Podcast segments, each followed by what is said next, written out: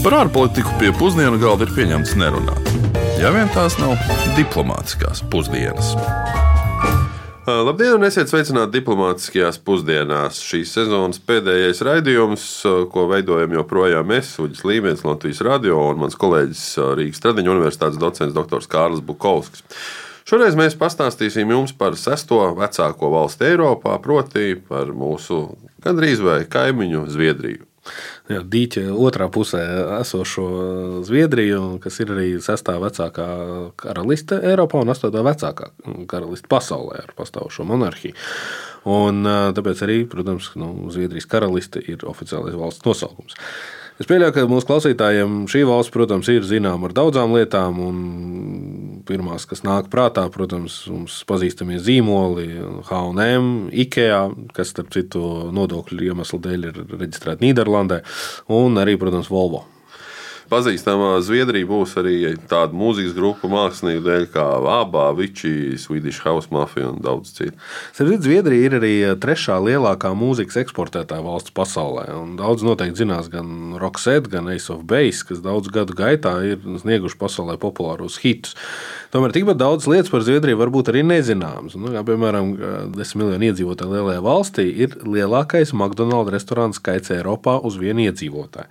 Un noteikti Zviedri gan sev vienlaicīgi nav radījuši neveselīgu cilvēku tēlu.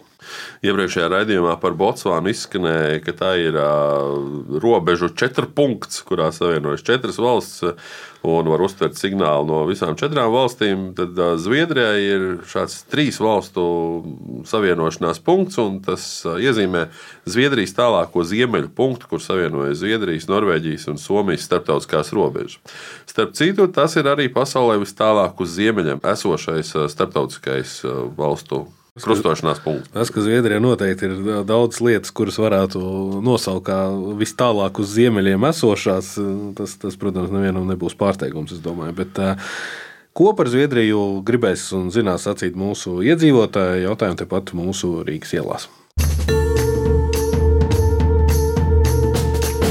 Ar ko jums asociējas Zviedrija? Es jau tā kā vairāk tāds dabas mīļotājs, tad Tā jau viss ir skaisti un jauki, bet man liekas tāda augsta zeme.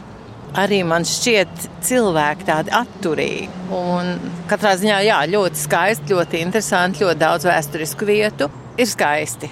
Bet, nu, ja man teiktu, tev ir dāvana braukt uz Zviedriju, nē, nekam nē. Es labāk tad uz Āfriku. Skandināvi, gandrīz vai kaimiņi. Demokrātijas ziemeļvalstu vērtības Vairāk, eh, es domāju, vairāk tās sociāldemokrātija, tāds, nu, tāds, kaut kas tāds, uz ko, uz ko tiekties. Nu, kaut kas, kas varēja būt, bet uh, nenotika šajā pusē Baltijas jūrā. Drīzāk tā varbūt. Ar uh, rudiem cilvēkiem, ar Stokholmu, ar, uh, ar romantikas kuģi šito mūsējo. Ar banku, ar zviedru pensionāriem. Zviedrija, nu, šobrīd viņam ar hokeju. Zviedrija ar vikingiem un ar hokeju. O, vikingi! Zviedrijā mums ir um, daudz cilvēku aizbraukuši uz Zviedriju strādāt. Tur uh, Zviedrijas lasis ar ziemeļu kultūru, skandināvu kultūru. Nu, viņi ir augsta augumā, blondīni. Nu, jau ar lielāku ledu un augstumu un slēpošanu. Ar ziemeļbriežiem, ar sniegu. Kā jau mums bija nojauta, tad diezgan daudz mūsu iedzīvotāji zina par šo kaimiņos esošo karalisti. Un pieļauju, ka liela daļa arī ir izmantojusi šo vasaras prāmju iespēju, kas ir pastāvējusi iepriekš starp Rīgu un Stokholmu. Jā, man liekas, ka pandēmijas dēļ šis kuģītis varētu būt aizbraucis no Rīgas uz diezgan ilgu laiku un, un, un pavisam. Bet tā kā mēs tomēr savā raidījumā diezgan daudz ko koncentrējamies uz politiku un ekonomiku, tad um, mūsdienu pastāvošajā visai nedrošajā situācijā mēs nevaram nerunāt arī par aktuāliem politiskiem notikumiem un Zviedriju. Uh, kā neitrālas politikas un drošības īstenotāji. Vēsturiski Zviedrija vēl 17. gadsimtā bija militāra lielvara, bet nu, tā pašā laikā pēdējos trīs gadsimtus faktiski nav piedalījusies uh, nevienā karā. Arī abos pasaules karos valsts saglabāja striktu bruņotu neutralitāti. Vēsturiski gan Zviedru neutralitāte sākās Napoleona kara laikā, kad toreizējais Zviedrijas karalis izraisīja karu, kurā Zviedrija zaudēja trešo daļu savas teritorijas. Un pēc 1809. gada apvērsuma, kas gāza karali, jaunās valdības ārpolitika pasludināja Zviedriju par neitrālu. Un līdz pat 2022. gada 24. februārim Zviedrija ieturēja neitrālu pozīciju, bet līdz ar Ukrainas karu 18. maijā Zviedrija ir pārizvērtējusi savu lēmumu neutralitātes jautājumā un līdz ar kaimiņos esošo Somiju iesniegusi pieteikumu dalībai NATO. Jā, par šo situācijas attīstību un, un Zviedrijas drošības politiku pēdējos 200-300 gados, kā Zviedrija nonāca pie neutralitātes politikas un kāpēc tā tagad atceļ šo dalībai NATO, mēs vaicājām doktorai Gunilai Herolfai, Stokholmā bāzētā starptautiskā miera pētījuma institūta Siprī bijušajai pētniecei. Non-alignment has a long history in Sweden, about 200 years, and uh, Zviedrijas neiesaistīšanās aliansēs vēsture ir ļoti gara. Tā aizsākās pirms apmēram 200 gadiem, kad Zviedrija vairs nebija viena no reģiona ietekmīgākajām valstīm ar līdzinējām ambīcijām. Tāpēc tika ierosināts karos neiesaistīties, jo tas mums varētu nest lielāku labumu. Ir kāds izskaidrojums, par kuru daudzi nezina. Neiesaistīšanās aliansēs nekad nav bijis ideoloģiski balstīts jautājums. Lēmums neiesaistīties vienmēr ir ticis pieņemts ar mērķi novērst karu, un tādu pozīciju pieņēma arī daudzas citas mazās Eiropas valstis.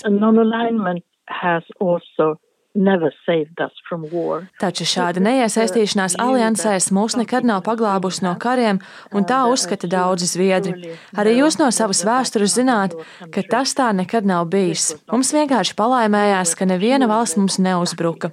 Taču, ja ir bijis nepieciešams, Zviedrija ir piekāpusies. Lai arī kara laikā mēs bijām neitrāli, mūsu otrā pasaules kara laikā piespieda piekāpties, piemēram, Vācijai. Taču mēs labprātīgi pakļāvāmies arī sabiedrotajiem, un atkal tikai ar mērķi, lai netiktu ierauti karā. Augstā kara laikā situācija bija atšķirīga, jo nevienā pusē skaidri nenostājās arī Somija, un tam, manuprāt, bija pozitīvs efekts. Mums nekad nav bijusi tāda stingrā robeža starp Padomju Savienību un Rietumiem, un tas savukārt ir novedis pie mazāka saspīlējuma Ziemeļeiropā, taču par to nekad nevar būt drošs. Un tad mēs nonākam pie mūsdienām. Ir notikusi ļoti skaidra atteikšanās no līdzinājās politikas, taču no otras puses Zviedrija pēc Berlīnas mūra krišanas no 1991. gada ir spērusi ļoti daudz soļus, lai tuvinātos NATO. Pirmkārt, mēs izņēmām no līgumiem tekstu par to, ka mūsu politikai ir jābūt vērstai uz neutralitāti kara laikā.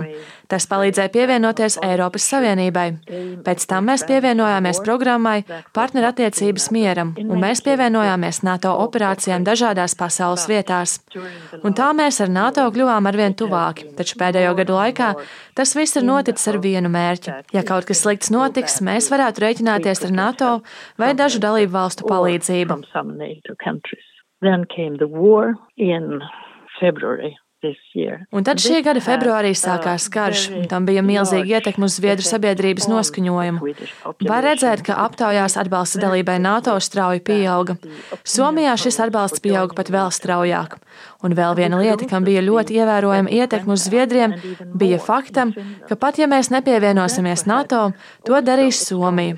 Un tas būtu pats sliktākais scenārijs, ko mēs varam iedomāties. Zviedrija ir ārpus aliansēm, Somija NATO, mēs zaudētu savu labāko partneri, un mums nebūtu nekādu garantiju ne no Savienotajām valstīm.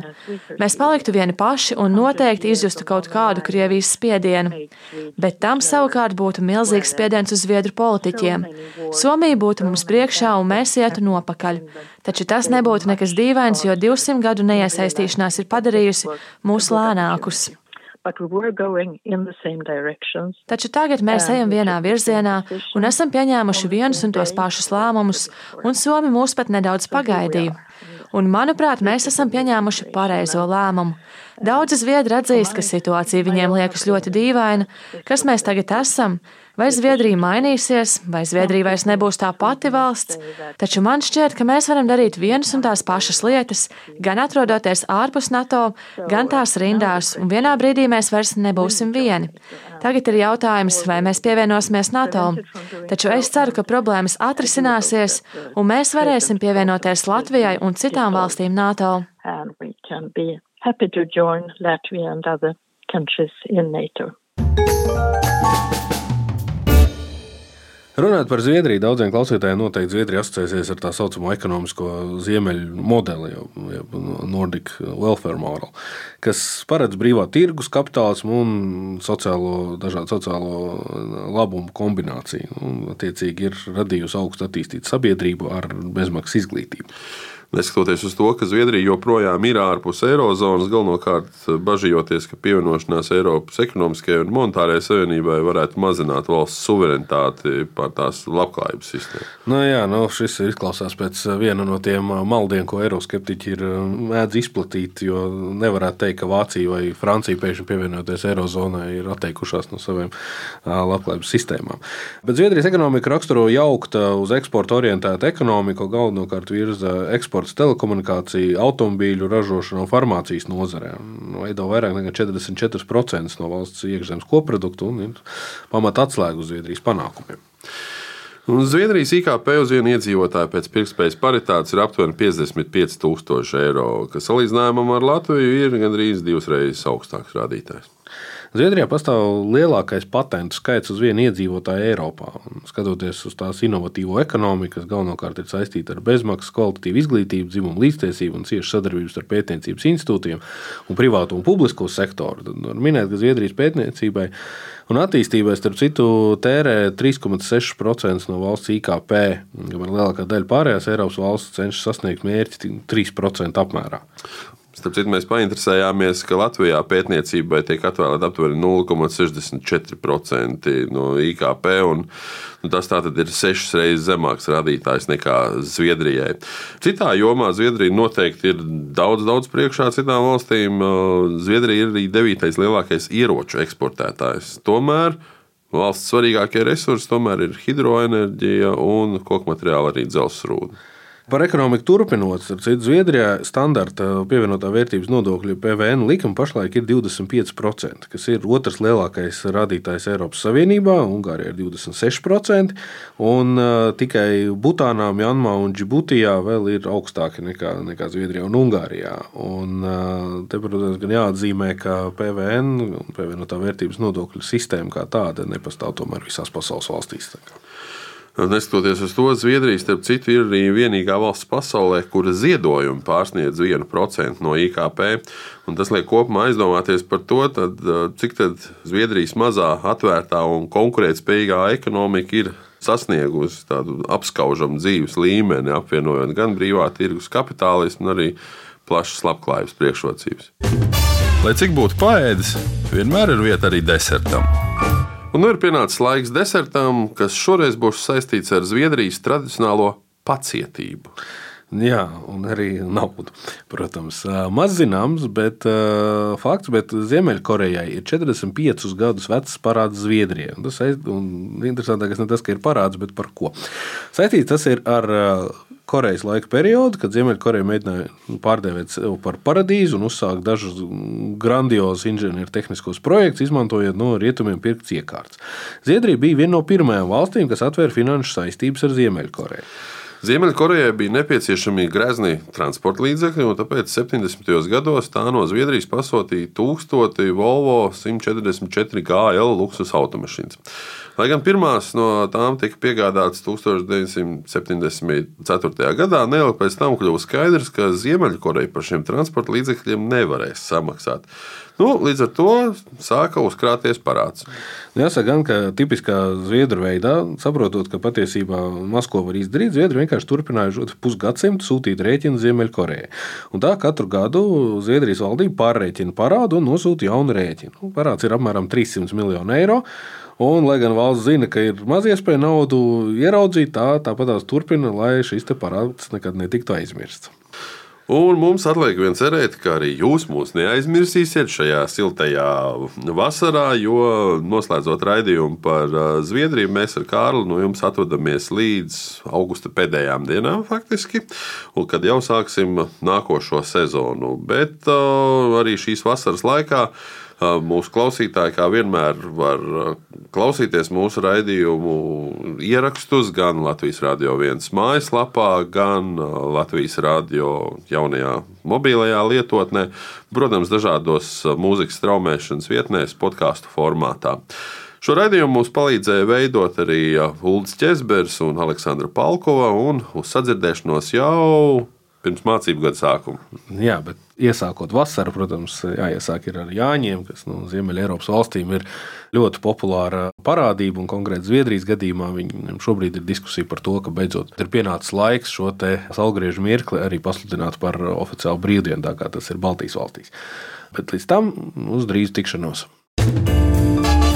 Diplomātiskās pusdienas katru otrdienu pusdienos Latvijas Radio 1.